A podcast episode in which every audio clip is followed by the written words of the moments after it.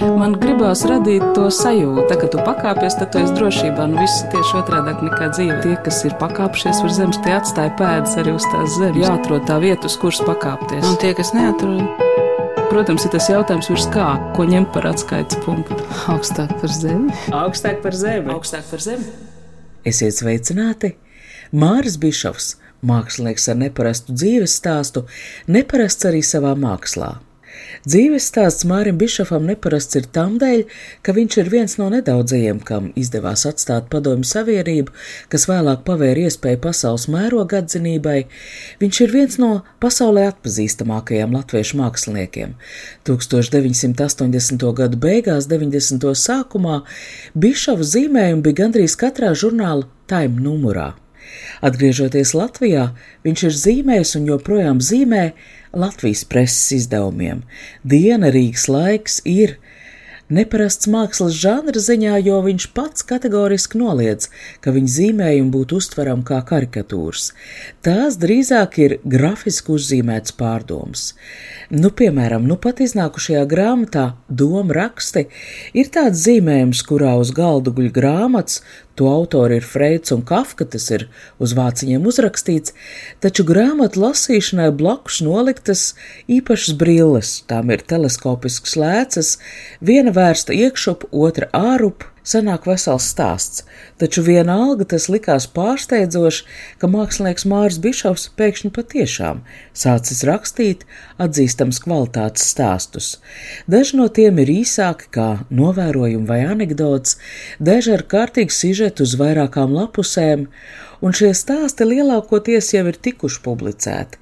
Internet žurnālā Satori Rīgas laikā ar teritoriju daļu joprojām uzmeklējami internetā, taču tagad šie stāsti savākt kopā grāmatas formātā. Ar nosaukumu Doma raksti, un grāmata ir bilingvāla - latviešu un angļu valodā. Es domāju, ka jāizlasa ievads. Viņš ir tāds, ka viņš ievada. Tas bija viens gabaliņš, ko es rakstīju ar teritoriju. Es daru visu to pašu, ko gadiem jau esmu darījis. Tikai gadiem ejot, rokraksts ir mainījies. Es domāju, zīmēju, lasu, atkal domāju, un skatos iemīļoto mākslinieku albumus, un to grāmatu man ir daudz. Pēdējā laikā rakstu īsus sacerējumus, kurus nosaucu par domrakstiem. Kad biju puika, mums pamatskolā latviešu valodas stundās bija jāraksta domraksti. Ja ar teritoriju man atļauja, tad es te piedāvāju izlasīt man pēdējo domrakstu. Lasīšana aizņems tieši 58,5 sekundes. Mans vārds ir Anna Buševica, un pie piezīmes par tām 58 sekundēm Māris Bišovs man piemiedz ar aci. Jo acīm redzams ir, ka tik ātri tas neies. Autors drīzāk ironizē par veidu, kādu informāciju patēriņam servē internets, kopš nesen laika šādi notiek pat balvu pasniegšanas ceremonijas, itin kā pierunājot, itin kā atvainojoties par savu klātbūtni un izteiktajām domām. Nav tādas dienas, kad es nezīmētu. Tas, ko es daru, nav uzdevums vai pasūtījums, kurš jānodod rīt vakar. Tas ir darbs, ko daru savas baudas dēļ, un neviens man nedod nekādus norādījumus. Man blakus ir kafijas krūze, zīmuļi un papīrs. Ideāla situācija labāk varētu būt tikai sapnī. Kāda ir recepte pārdzīvot? Nu, es iestarpināšu no sevis, ka tas ir pa to Covid laiku. Tas vēlāk būs skaidrs vienalga. Kāda ir recepte pārdzīvot? Man nav receptes, man ir pietiekami liels vecums, lai es harmoniski iekļautos vecākajā slimotāju grupā. Par to es nedomāju. Protams, ka es mazgāju rokas un neju uz publiskiem pasākumiem, es tur gan sen vairs neju. Nekas nav labāks par būšanu vienatnē, Un tādēļ Covid ir viena laba slimība. Nepieciešamības dēļ man tomēr jāiet uz veikalu pēc pārtikas. Tā ir šo laiku skarbā ikdiena. Kā tur vēl saka, mēs visi esam vienā laivā un tur neko nevar darīt. Es gan nekad neesmu bijis ar visiem vienā laivā. Gan jau kaut kā pārdzīvosim, citādi nemaz nevar būt. Palasiet vēsturi, un tur jūs atradīsiet visas atbildes. Cilvēks ir pārdzīvojis Hitleru un Staļinu, Dresdeni un Hirošimu, impresionismu un kubismu, Lambetvoku un rokenrolu, sniega cilvēku ietī un lidojošos šķīvīšus, seksuālo revolūciju un zīgeristu ar godmani. Māra Bišofa aprakstīto pandēmijas pārdzīvošanas stratēģiju var uzklausīt arī kā universālu recepti, jebkuru ķēzu krīžu pārdzīvošanai. Un tā frāze, ko jūs sakat, es jau nekad neesmu bijis vienā laikā. Nu, jā, es esmu vientulis, egoists, dzīvoju viens pats, un uh, man atklāti runājot, nav garlaicīgi ar sevi. Man nekad nav garlaicīgi. Es dzīvoju savā galvā. Tā ir cita dzīvošanas, citādās domāšanas stratēģija, kas raksturo visu Māra Bišofa dzīvi un radošo darbošanos, un tā ir ļoti rosīga būšana. Grāmatu domu raksti varētu uzskatīt arī par mākslinieku Māra Bišofa debiju, šoreiz rakstniecībā. Nav slikti, debija 83 gadu vecumā, bet kāpēc vajadzēja mainīt radošās izteiksmes līdzekli? Man tā rakstīšana ir tāda, ka viņa nu, parādījās. Jo es taisu tos zīmējumus, un tajos jau agrāk bija pagari teksti zem tiem zīmējumiem. Un tie zīmējumi vienmēr ir jāizdomā, un tie zīmējumi dažreiz ir sarežģīti. Tas man, es uzskatu, bija tā kā iepriekšējais treniņš tam, ka es kaut ko kādreiz rakstīšu. Man tas prātā nebija, ka es kaut ko rakstīšu, bet tas tā varētu būt tagad, kad es domāju, kāpēc es to visu darīju. Jo man tie zīmējumi bija vienmēr jāizdomā. Tā rakstīšana tā ir tā kā plašāka domāšana. Jo arī jūsu, nu, tas, ko jūs sakat, ka jūs nezīmējat karikatūras, ka tie arī ir nu, tā, jā, es doma raksti, tad tie domāju, ka man zīmējumi ir dziļāki par karikatūrām, jo man zīmējumi bieži pat nav smieklīgi. Viņi ir bieži vien pārdomām, viņi bieži ir balstīti uz iepriekšējo mākslu, pa māksliniekiem, pa rakstniekiem. Man ir vesela grāmata, ko es Ņujorkā publicēju kas ir par literatūru. Saucās Faisti Virģīnija Wolf. Tāda žiperīgā Virģīnija Wolf, tā varbūt var tulkot tādu vārdu. Un man bieži prasīja cilvēki, tur ir autoru kaudze, ir minēta zīmējumos. Uzzīmēju kaut ko un tā pierakstu Hemingvejs, ja pierakstu Virģīnija Wolf. Un tā man ir prasījuši, vai tu esi lasījis visas tās grāmatas. Nu, protams, ka es neesmu lasījis visas, bet jēga par literatūru man ir laba, jo es tiešām esmu lasījis. Man bija ļoti nu, inteliģents sieva, gudra, kas man arī daudz palīdzēja dzīvē. Man pirmā sieva. No tās es daudz mācījos, vai ne? Es vēl biju jauns, un nu, viņa arī bija jauna, bet viņa bija ļoti, ļoti attīstīta visādā ziņā. Viņa nāca no ārkārtīgi inteliģentas Maskavas ģimenes. Viņai tēvs bija komponists, un vecāks vispār slavens bija aktieris un tāds Mihails. Staļins viņu nogalināja. Telavivā ir viņa vārdā nosaukts laukums viens. Nav jau galvenais laukums, bet ir laukums ar Solomons Mihails. Viņš ir dzimis Daugopilī, bet dzīvoja un darbojās Maskavā. Māra Bišofa pirmā izglītība ir koktēlnieks, pabeidzot Rīgas lietušķās mākslas vidusskolu, pēc tam interjerists. Viņš bija viens no pirmajiem, kurš absolvēja Latvijas PSR valsts mākslas akadēmijas jauniedibināto interjeru un iekārtas nodaļu. Taču zīmētāja talants jau skolas gados šķiet bija ņēmis virsroku. Kopš 1963. gada Bišovs zīmējis karikatūras humoru un satīru žurnālam Dādzis, pēc akadēmijas beigšanas 1966. gadā viņš devās uz Maskavu, kur veica izdevniecību pasūtījumu darbus, veidojot grāmatu noformējumu, zīmējot ilustrācijas. Es saprotu, ka tieši nu, šī laulība jums deva iespēju arī doties prom no padomju savienības. Jā, tā tas gadījās, vai ne tas, kad mēs izšķīrāmies, tas man nebija viegls pārdzīvojums, jo man meita palika tur un vienu brīdi man bija ļoti grūti bez tām. Ja doties prom no Padomju Savienības, nu, tāda loza izkrīt retajam. Jūs no, to jā. gribējāt? Nē, es skaidrs, ka es gribēju. Man visu mūžu, visa tā padomju sistēma un tie krievi ir līdz līdz kaklam. Izrēlā tika publicēts Māra Bišofa pirmās trīs zīmējuma grāmatas, sarīkots zīmējuma personāla izstādes. Divus gadus pēc tam nodzīvojot Parīzē, viņa zīmējumos parādās radošajā darbā tik būtiskā literatūras tēma. Savukārt Mārs Bišovs, kādu mēs viņu pazīstam, kā mākslinieku, kuru zīmējumu papildina preses izdevums, piedzimst pagājušā gadsimta 80. pēc pārcelšanās uz Ņujorku, ASV. Nu, kā veidojās tā jūsu karjera? Nu, kā viņi veidojās, nu, tā dzīve viņi sāka veidoties. Mm -hmm. Tur jau tie zīmējumi, nu, nu, kas tie bija par zīmējumiem? Tie bija iesācēji zīmējumi, ne tur bija tā prasme to uzzīmēt, ne tur bija tā augstā ideja. Tie bija padomi laiki, tur neko tādu pārāk filozofiski nevarēja darīt, uz ko man bija nosliets. Un kāpēc man gāja tik labi Amerikā? Tāpēc, kad man bija tā laime, kad man ir speciāls dotības, nevis kaut kādas vidējas, bet ļoti speciāls. Tāpēc es taisīju visiem lielākajiem izdevumiem. Kāda ir sajūta būt slavenam, būt uz tēmas vāka? Nu, sajūta ir laba. Es nezinu, kāda tur slava es tajā laikā biju zināms mākslinieku aprindās. Tā nav tāda slava kā Pols Kleja Picasso. Tā nav tāda slava, bet es biju profesionāli zināms tajās aprindās, kas to darīja. Nu, un arī cilvēki, jā, no publikas zināja.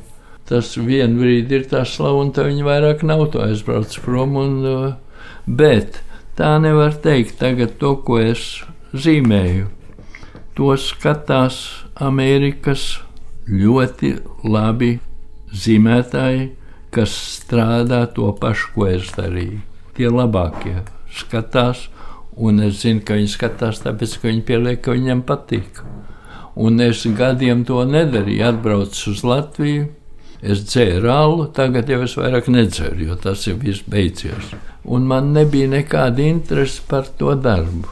Ilgi, kamēr viņi atkal pamodās. Un tā, ka man tagad jāzīmē katru dienu, man nav diena, kad es pavadu bez zīmēšanas. Bet, ziniet, tāda zīmēšana izdevumiem. Tur nav tās mākslinieka brīvības, man liekas, ko pēc kā augsts. Nu, tāpēc es tagad daru, jā. Kad zīmē kādam izdevumam, tad jāilustrē tas, pa ko tur rakstīts ir. Bet es varu ilustrēt pats savus domas, vislabākā sajūta. Māra Bišofa zīmējumi grāmatās iznākuši arī pēc viņa atgriešanās Latvijā. Latvijas institūta izdotā Mana Latvija, divus gadus vēlāk vēlreiz Mana Latvija arī, albums 213 Māra Bišofa zīmējumu 2008. gadā, kam sekoja 2001. gada zīmējuma albums 444.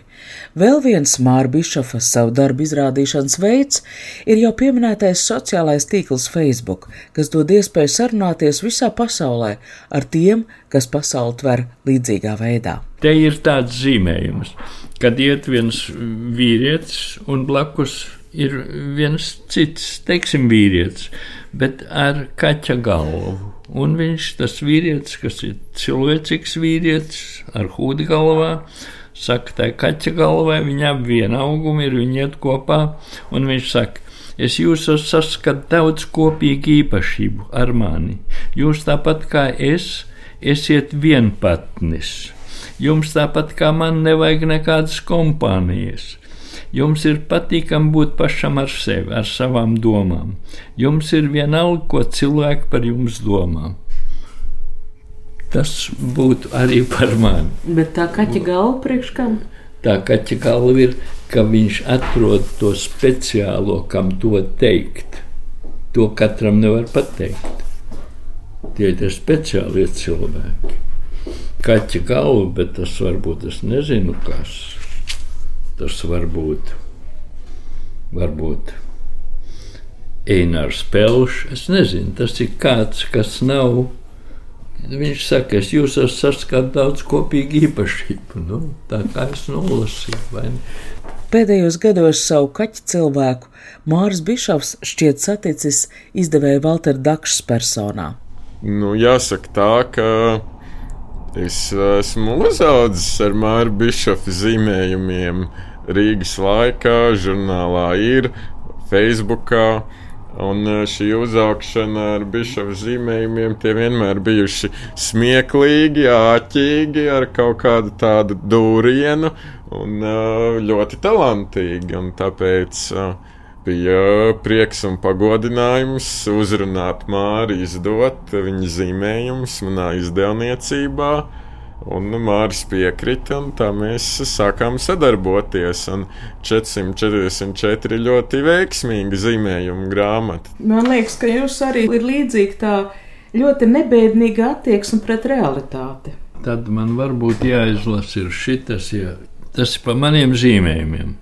Bet to pašu var attiecināt uz to, ko es rakstu, jo tā ir viena cilvēka domāšana. Un to es saucu par priekšnoteikumu. Tas manai 444 grāmatai rakstīts uz pēdējā vāka.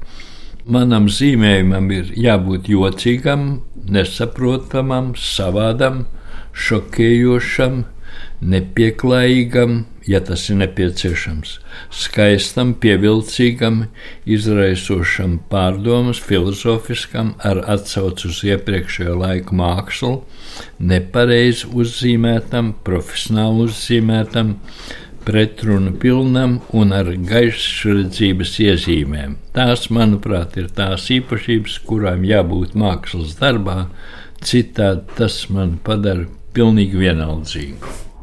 Sveicienu Mārim! Mēs viņu ļoti izdevniecībā cienām. Mēs esam jau otro bišovu grāmatu izdevuši, domārakstu, stāstu krājumus, un gaidām arī trešā bišovu krāsainie zīmējumi.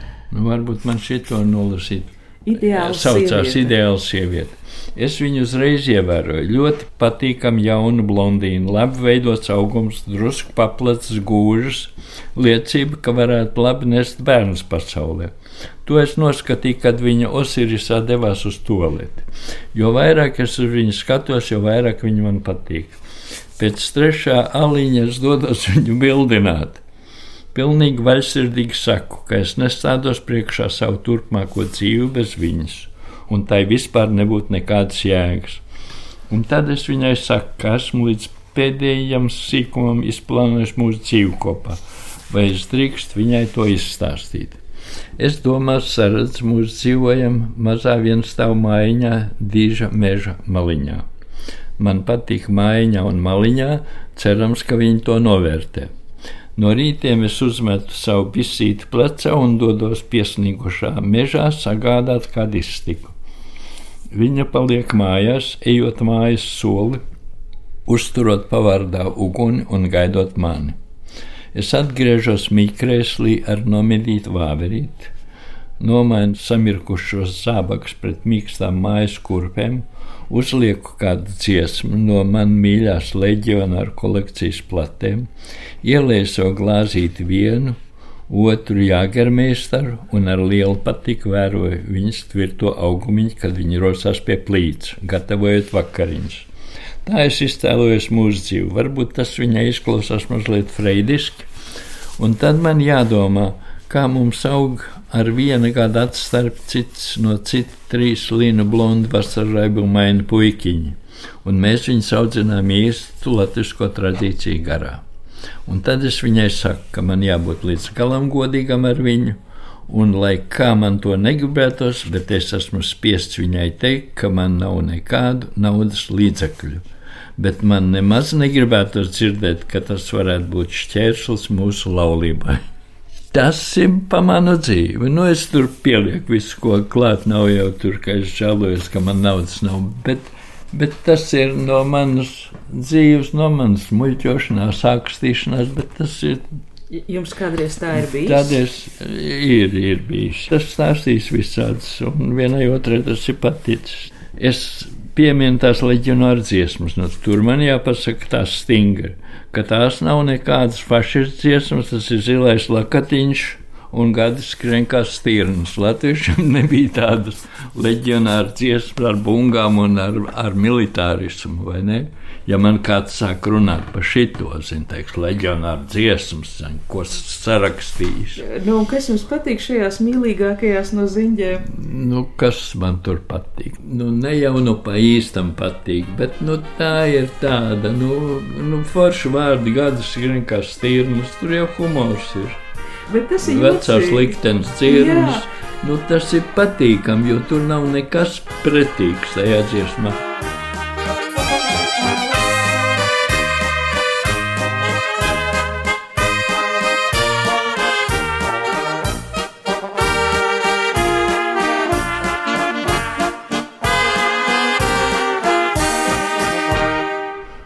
Reku uzšķīrās, jā, gan zum, zum.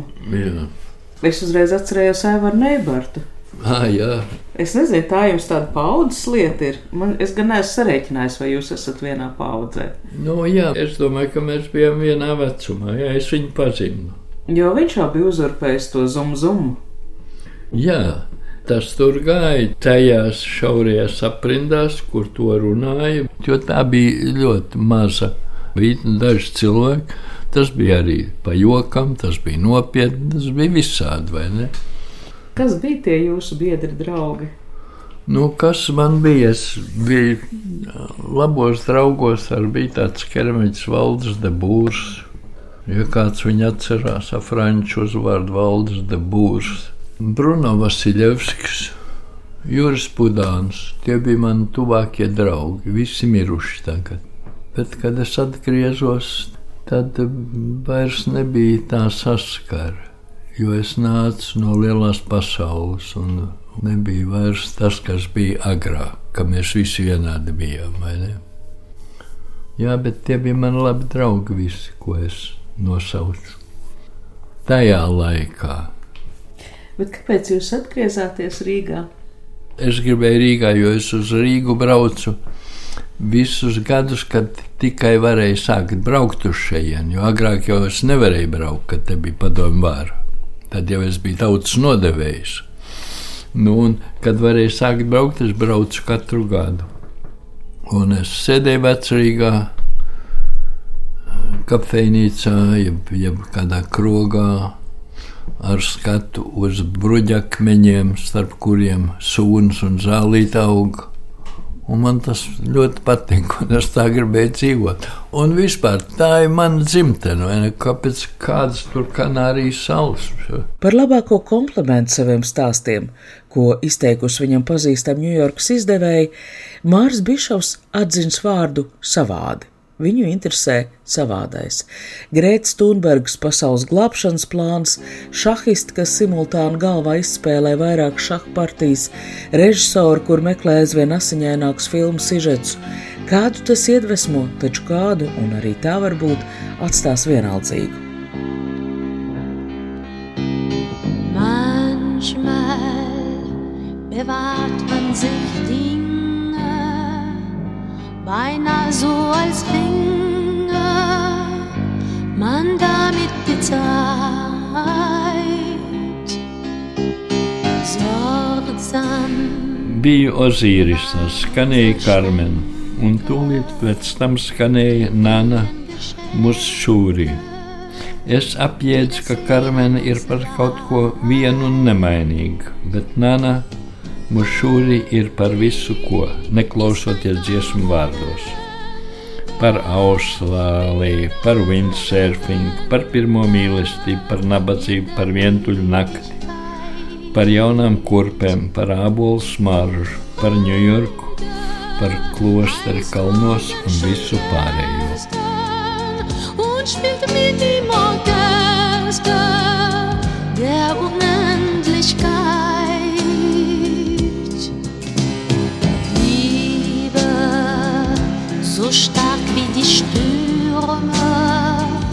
baut gläserne Türme auf fließendem Grund.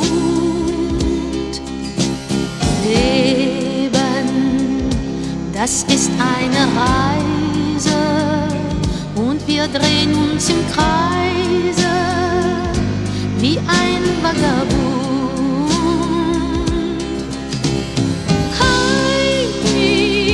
Ist ein Traum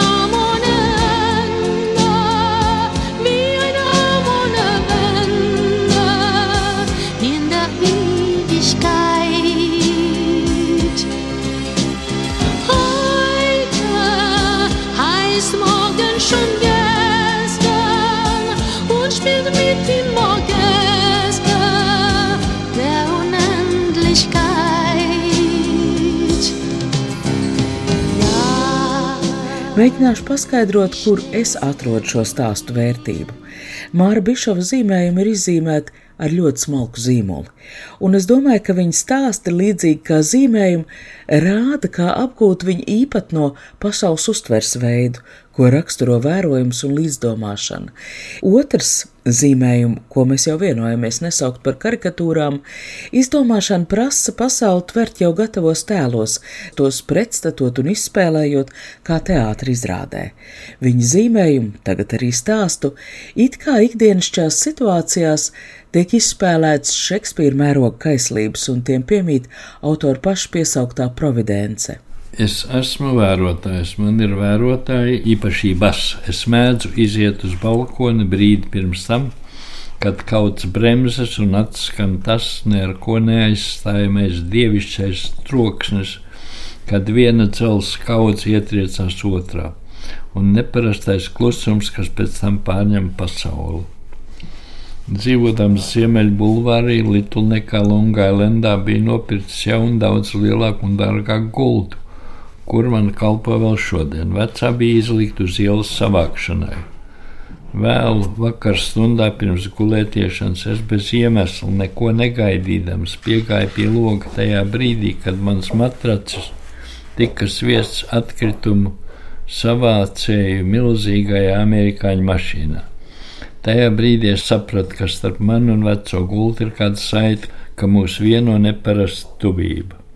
Vecais madracis bija kļuvis par daļu no manis. Tas zināja manas domas, manas sapņus, manas ieradumus. Tam bija pazīstama viena otra mana sieviete, un kas, kad man tajā brīdī sūtīja pie loga, es to uztvēru kā atvadu brīdi. Tur ir tādas lietas, ko es esmu piedzīvojis, vai ne? Arī par to matraci tas bija pareizi, un to es tā domāju, kad man bija saite. Es nezinu, vai jūs tam lietām ticiet. Nu, es domāju, ka tajā grāmatā ir mans gars iekšā, ka viņi ir no manis taisīti. Kad esmu ticis galā ar savu zīmējumu, man patīk iziet dārzņā un pasēdēt. Tā kā es esmu vērotājs, tūdaļ saskatu, kā saules staros, kā magoņa sēklas man neredzamā mikserī virpuļo sīciņas radības, kuras ir tik maziņas, kā magoņas sēkliņa akurāt sadalīt astoņās līdzīgās daļās, vai varbūt pat viena rudzu milta lielumā. Es domāju, kā viņš tik pus gaismā var, nu, kukaiņš, nu, viņš pat ne, nezina, cik viņš liels. Es smējos, saku, milta lielumā. Viņš tik maziņš ir, un viņš nosēžās tieši uz vienīgās horizontālās plaknes, kas glāze ir. Precīzi, nu, jābrīnās. Man radās interese papētīt viņus tuvāk. Es uzvilku melnas botas, melnas zeķes, melnas garās bikses, un tad es nostājos apmēram vienu soļu attālumā no kukaņiem. Sakoncentrējos, dziļi ielpoju un ar visu spēku spēru tam bariņam tieši pa vidu. Kukaiņa mākonīts neiedomājamā ātrumā atgriežas iepriekšējā kārtībā. Spēr vēl pāris reizes, un rezultāts ir tieši tāds pats. Pēc tam man jādomā, vai viņi man uztver kā dabas spēku, kā stihisku parādību, vai iespējams, ka es viņam vispār neeksistēju.